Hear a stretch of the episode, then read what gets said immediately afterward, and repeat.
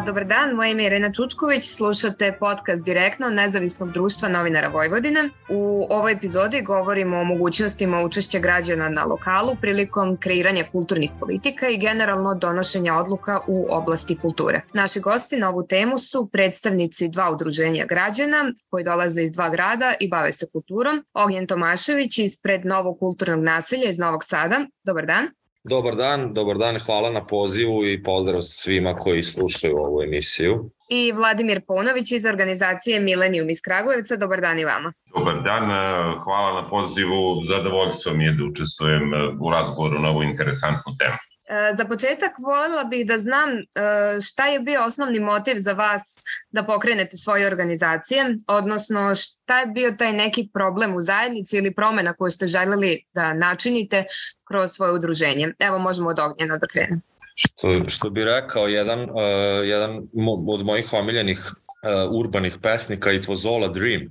Šalim se. U, uglavnom, novo kulturno naselje su formalno 2014. godine e, pokrenuli nekoliko prijatelja iz detinstva koji su živeli i odrastali u istom komšiluku, ali zapravo naša delovanja i ta neka inicijativa za obogaćenjem kulturnog života, odnosno sadržaja e, koje bi mogli interesovati celu zajednicu su krenula i ranije, čak 2009. godine, tada je to sve bilo organizovano najčešće kroz e, muzičke sadržaje, imali smo neke bendove, organizovali smo neke koncerte, svirke, pokušavali da nađemo na novom naselju u Novom Sadu e, jednu neku prostoriju gde bi mladi bendovi mogli da se okupljaju, snimaju i tako dalje, da bismo 2014. godine zvanično i osnovali novo kulturno naselje, jer smo prosto želeli da novom naselju koje, eto, za one koji ne znaju, koji nisu možda upoznati toliko sa Novim Sadom, uh, jedan deo grada na periferiji Novog Sada, ali deo grada koja broji više od 40.000 stanovnika, što je e, više nego pojedini gradovi u Vojvodini, Srbiji i, i u regionu čak. Ovaj, a tada u tom trenutku se tamo nije ništa dešavalo. Ništa se nije dešavalo u smislu nekog kulturnog života, umetničkih programa, edukativnih nekih radionica za mlade, bilo šta, za sve si bio prinuđen da ideš do centra grada i da se tu nešto snalaziš i, i, i okupljaš sa nekim ljudima koji su kreativni ili angažovani na nekom polju. I eto, prosto mi smo rešili da tada uzmemo neke stvari u svoje ruke. Organizovalo se nas tu nekoliko iz komšiluka plus naših tadašnjih drugara koji uopšte nisu sa novog naselja i sadašnjih drugara i odlučili da to sve formalizujemo, da osnujemo udruženje i napravili prvi festival 27. septembra 2014. godine simboličnog naziva Dobrodošli na naselje. Tada smo imali neku i kosmičku sreću da je u kasnom septembru osvanuo možda najsunčaniji i najtopliji dan u septembru u istoriji čovečanstva.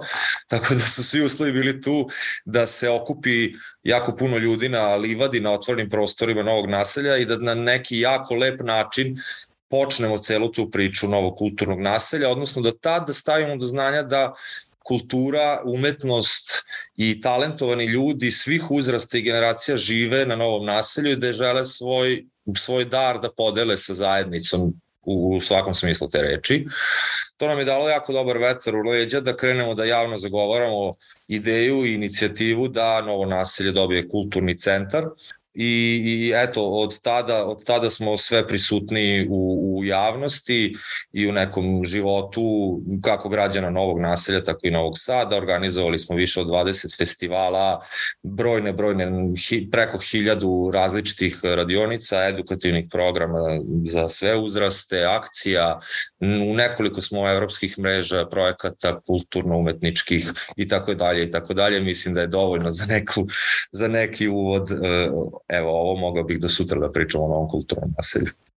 Hvala, pričat ćemo o tome svakako i kasnije, a evo sada vlada može da nam kaže kako su izgledali ti neki početci milenijuma i koja je bila prva misija ili cilj organizacije. E, pa, Millennium je jako stara organizacija, ovaj, a zapravo neko naše iskustvo te, tog tima koji je pokrenuo Millennium tamo nešto nakon ove NATO intervencije 99. potiče još iz 98. mislim.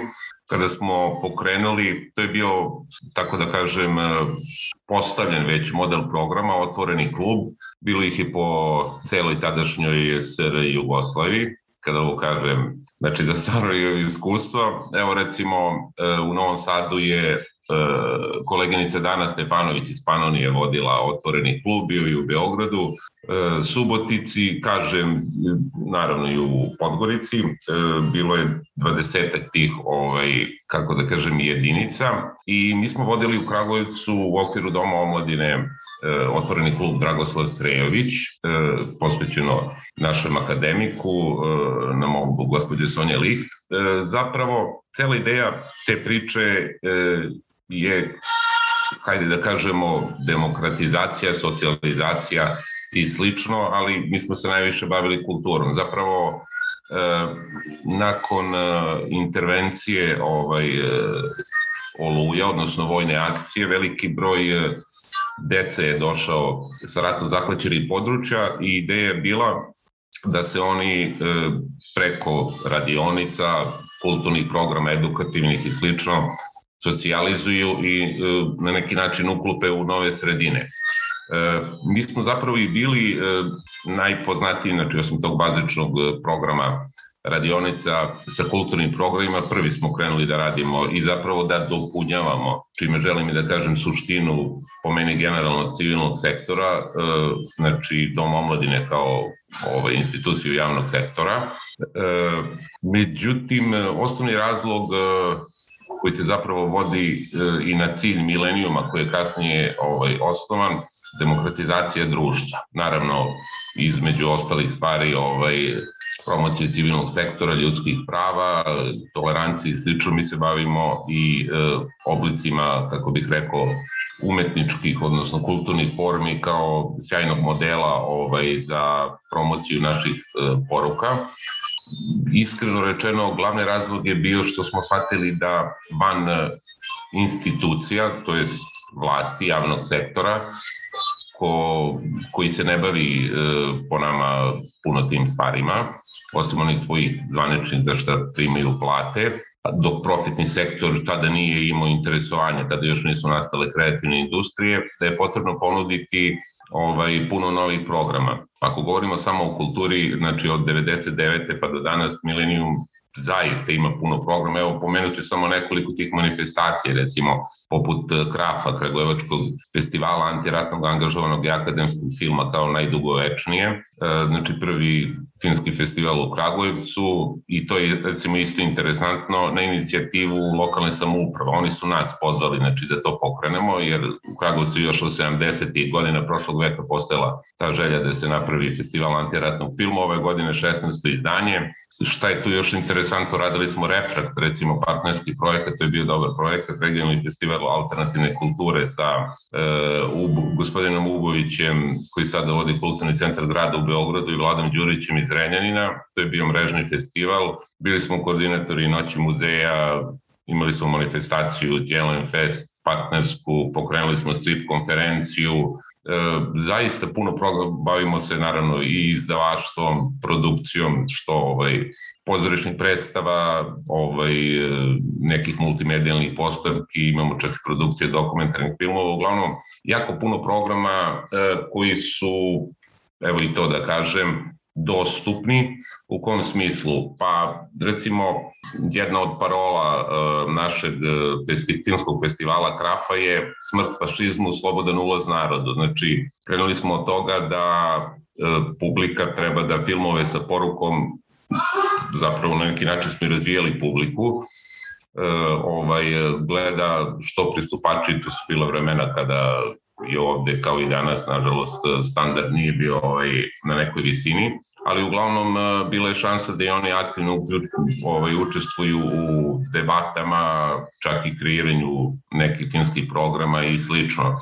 Uglavnom, e, mislim, mislim da smo od samog početka, bar mi kao civilni sektor, da smo se trudili da se bavimo onim što se zove, što je zapravo tema ovog, ove emisije, a to je uključivanje građanja, participacija u, ne znam, nekom kreiranju, učestvovanju da li kao stvaralaca ili publike, mada generalno mislim da bi time trebalo da se bavi javni sektor, to jest pre svega izvršni organ Ministarstva kulture u svojim kulturnim politikama i strategijama.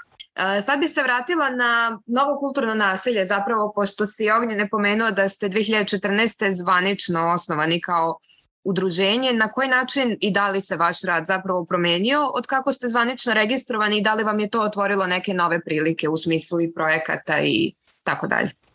Jeste, kao što, kao što i narodna poslovica kaže, ko vredno radi ne boji se kako već ide.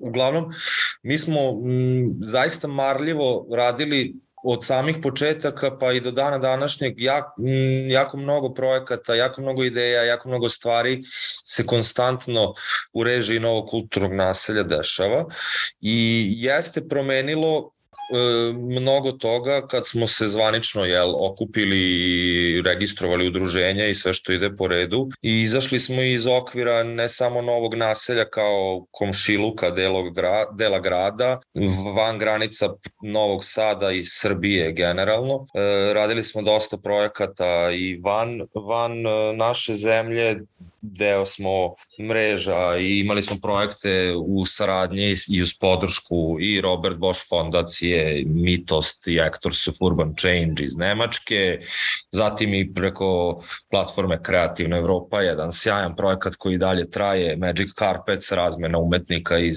12 evropskih zemalja, ali i brojne programe za mlade, edukativne programe koji su deo Erasmus Plusa i tako dalje. Zaista je mnogo, mnogo toga što je što je proširilo delovanje i aktivnost novog kulturnog naselja od te 2014. do danas. Eh, I ne samo to, nismo samo po znacima navoda samo e, radili projekte i sprovodili neke ideje u delo, nego smo često prenosili to svoje znanje, kako se popularno kaže na engleskom know-how, e, mnogim drugim zajednicama u Evropi zapravo više to nije ni u Evropi. Nedavno smo imali projekat sa japanskim umetnicima, tako da smo sad nekako za novo naselje kao deo grada i za sve to nešto što smo mi radili, napravili naše filmske festivale ili Art Quart Start koji radimo sa omladincima iz Novog Sada već godinama, se čulo od Japana preko e, preko Sibira u Rusiji do Portugala. I na to smo jako ponosni, zato što kad je, kad je e, tvoj neki rad i tvoja ideja i trud i zalaganje za bolji život zajednice prepoznat u, u toliko različitih e, kultura, običaja, načina shvatanja svakodnevnice i slobodnog vremena, ovaj, to zaista imponuje i uspeli smo da našem komšiluku damo e, svetski glas našem delu grada, da ga nekako na neki način po znacima navoda brendiramo, da sad novo naselje se zna da ima nekih kulturnih sadržaja, što ponavljam opet ranije nije bio slučaj, zaista, ruku na srce, ovaj, i ne samo to, nego da donesemo i nagrade za najbolju zajednicu u sklopu nekog projekta, jer od samog dana je naša, e, naša velika volja i želja da te građane uključimo upravo u sve u sve procese jednog ajde da tako kažemo, kreativnog programa. Znači od samog njegovog osmišljavanja do e, izvođenja ili do same, volimo da publika učestvuje i ta participacija svih članova zajednice nam je zaista, zaista bitna i eto, onako možemo reći da se mnogo toga na bolje, ali i na šire promenilo od eto, te 2014. uskoro će i 10 godina novog kulturnog naselja. Naravno spremamo svašta zanimljivo za tu, de, za tu deceniju našeg grada. Vlado, sa druge strane, pošto Millennium postoje od 1999. godine, za tebe imam drugo pitanje, a to je na koji način ste uspeli da opstanete ovako dugo, s obzirom da znamo da nije baš lako živeti od projektnog e, finansiranja u NGO sektoru u Srbiji? To je dobro pitanje. Ja mislim da je to pitanje ne samo za organizacije civilnog sektora, nego i za najobičnije građane, kako smo svi opstali. Pa, e, postoji ono što se zove volonterski rad zapravo ovaj, Milenijum je tako i krenuo, znači dok kasnije nisu stigli projekt, e, mislim dok se nismo aktivno uključili u projekto finansiranje koje je prilično bilo uspešno u nekom periodu e, do nekih deseta godina ili slično, znači koristili smo se onim što se zove znači različitost izvora. Pre svega međunarodni, ovaj, međunarodne organizacije od pomenutih evropskih fondova, ne znam, Evropske agencije za rekonstrukciju do kreativne Evrope ili kasnih ovaj, programa UNESCO-a, ovaj, američkih fondacija, Fonda za otvoreno društvo, ambasada do, naravno, lokalnih i nacionalnih koji su u jednom trenutku po meni trebalo u toj strategiji civilnog sektora da preuzmu, a oni su pogotovo, kažemo, u poslednjih deseta godina odgovorili sa svojim gongo organizacijama, ali dobro, tako je kako je. E, kažem, e, pogotovo je sada ovaj, vrlo teško vreme jer e, činjenica je da evropski fondovi e, su pre svega jako zaaktivni e, za, ne za finansiranje samo, nego za sam management e, mora da se ide u širokom partnerstvu preko velikih organizacija. Mi smo takođe jedan od osnivača asocijacije nezavisne kulturne scene i mnogi drugi platformi. U zadnje vreme pokušavamo, kažem, da mi nismo bili, ovaj, naravno zakonski je dozvoljeno, ali pričam kao organizacija i na zapadu, da je pružamo određene usluge, uglavnom u nekoj vrsti konsultinga ili, evo, na primjer, za ovu produkciju dokumentarnih filmova pojavili su nam se, eto, po redki ovaj, profitni donatori. E, što se tiče nekih drugih stvari, kažem, e, uglavnom jako je teško, ali e, opet ponavljam, uvijek se treba ovaj okrenuti ka onom osnovnom, znači svoj misiji, čak i kada dođu slične teške situacije i tako trebamo se vratiti na svoju osnovnu misiju, zašto smo nastali, da li smo to postigli ili nismo, da li to treba i dalje da radimo, da li to treba neko drugi da radi, kao na primjer evo pomenuti kraft, mislim da će sigurno ostati čak i kada mi, ovaj, kad ja odem u penziju ili tako, sigurno bi trebalo kao javnu manifestaciju neko drugi da preuzme i da radi. Ali kažem, e,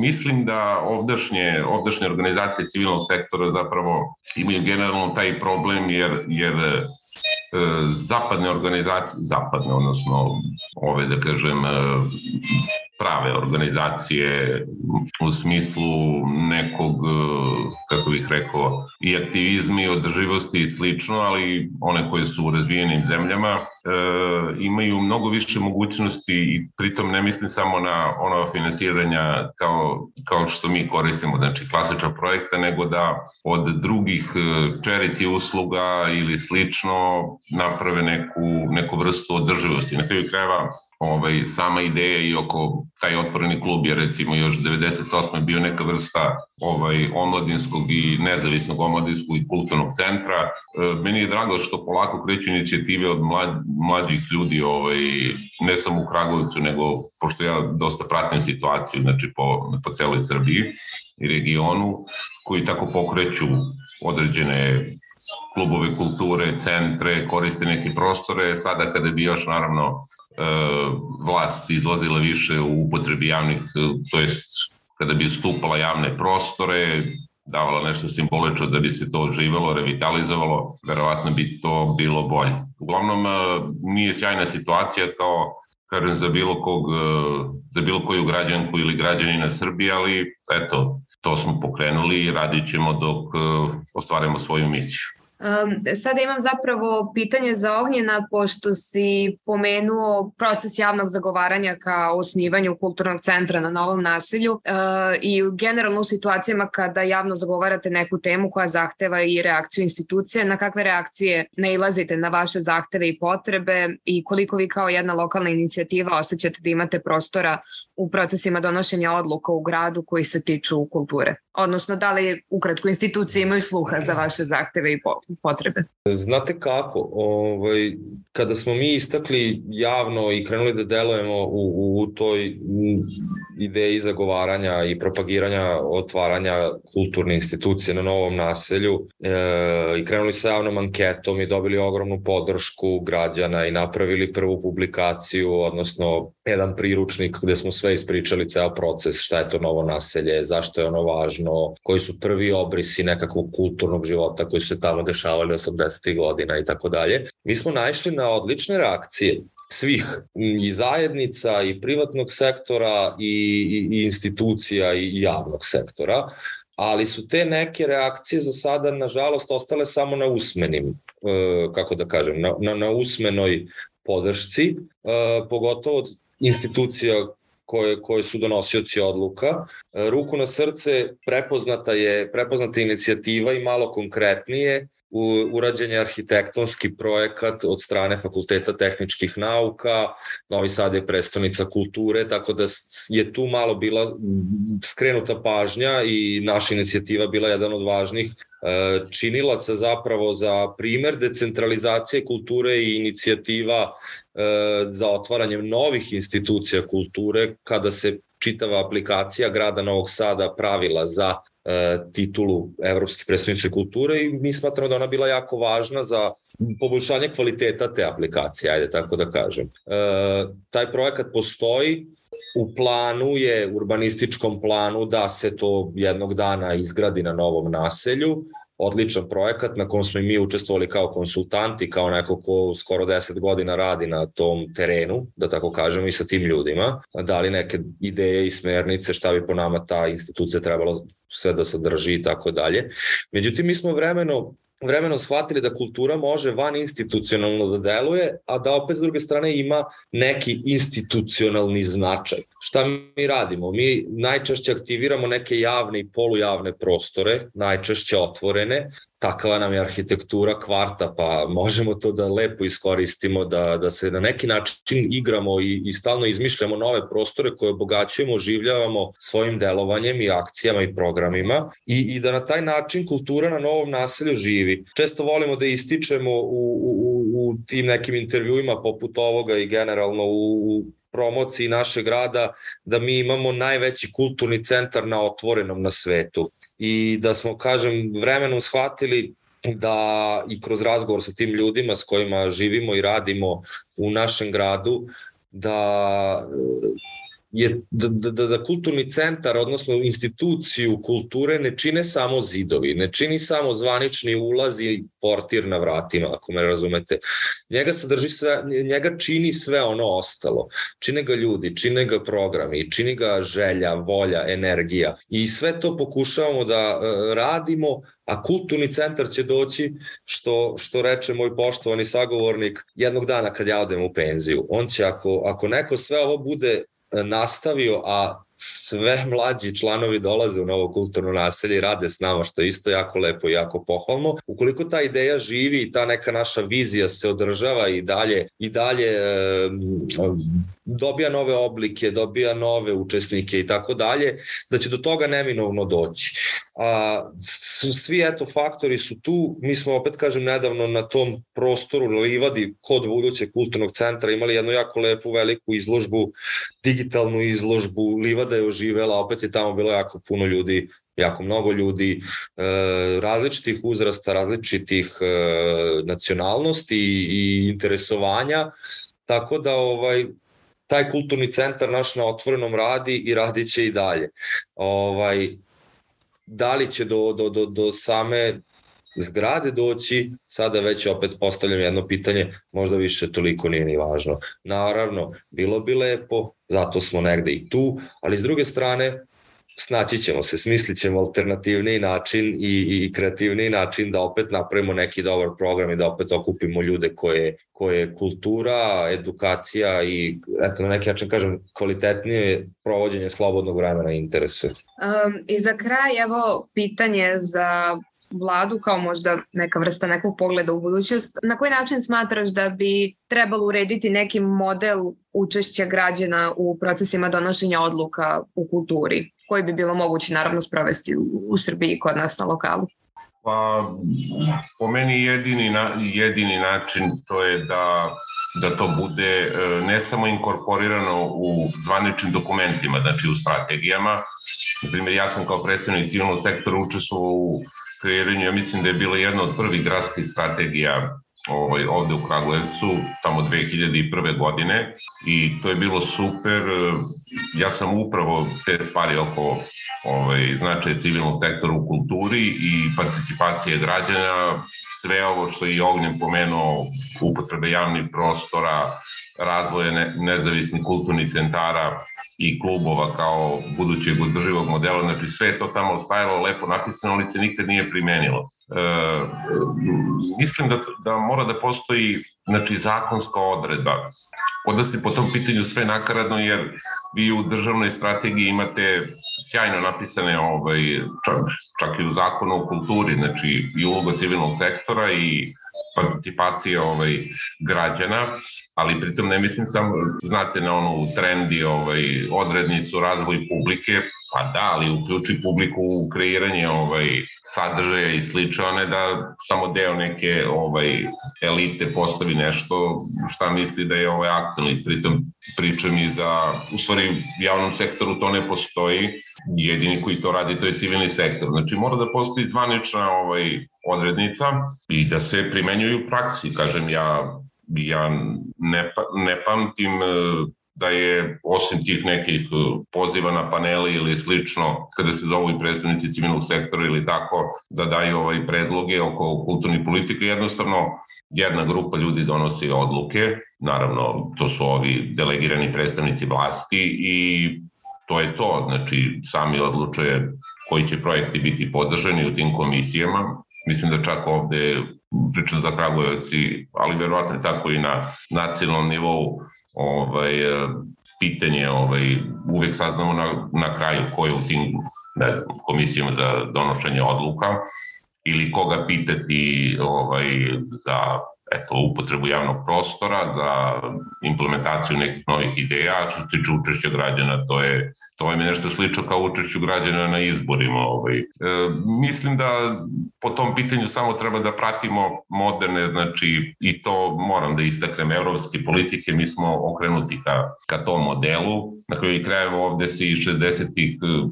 godina ovaj, prošlog veka kada je i najviše infrastrukture izgrađeno po celoj, znači ne samo Srbiji nego i Jugoslaviji, koristio francuski model ovaj, demokratizacije kulture, znači mi smo prirodno okrenuti ka, ka evropskim kulturnim politikama, jednostavno samo treba primenjivati i nema tu, nema tu mnogo ovaj, mnogo razmišljanja. Zakonski, praktično, razgovarati sa tom publikom, istraživati publiku kao što je Ognjen, ovaj, istraživati njihove stavove, Mi smo to radili recimo pre nekih 14 godina, mislim da je bilo prvo istraživanje baš u saradnji sa Domom omladine, ovaj, istraživanje potreba publike, znači koje programe prate, šta bi voleli da ovaj, prate, na koje bi dolazili ili slično, šta ih interesuje. E, te stvari treba da rade, kažem, i civilni i javni sektor kao, kao neku svoju, ne primjer dobre prakse, nego jednostavno obavezu. To ti je, to ti je posao. Tako da mislim da ovaj,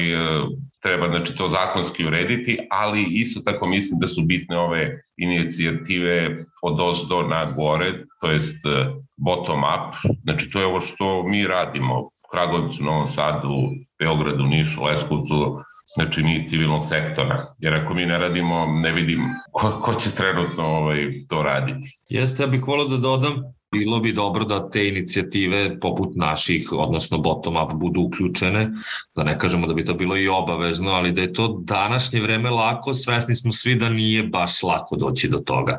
E sad ono što mi još možemo da uradimo pored toga je da svako od nas ko nešto radi po ovom pitanju i u ovom polju ima neku ideju, inicijativu da se trudi maksimalno da uvek i svuda utiče na zagovaranje toga. Da svak, ovaj, ne mora to doći institucionalno kroz neki board ili neki, neko telo, ali kad god priliku takođe i da svoje iskustvo i znanje prenosimo i primere dobre prakse prenosimo na sve ljude kod kojih prepoznajemo sličnu ideju u glavama i da je to sve što međusobno naučimo, implementiramo i primenimo u svojim delovanjima. To su te neke stvari okolo koje možda mogu bar na mali način doprineti da se da se naše to neko delovanje i odluke uvrsti u što što kaže sagovornik uh, donošenja odluka, što kaže vlada. A, nažalost, vreme nam ističe, iako verujem da bismo mogli još puno, puno razgovarati na ovu temu, imam utisak kao da smo tek zagrebali neke teme. Hvala vam puno što ste bili moji gosti i što ste izdvojili svoje vreme danas da govorite za podcast Direkt. Ova epizoda podcasta realizovana je uz financijsku pomoć programa tranzicione saradnje Republike Češke.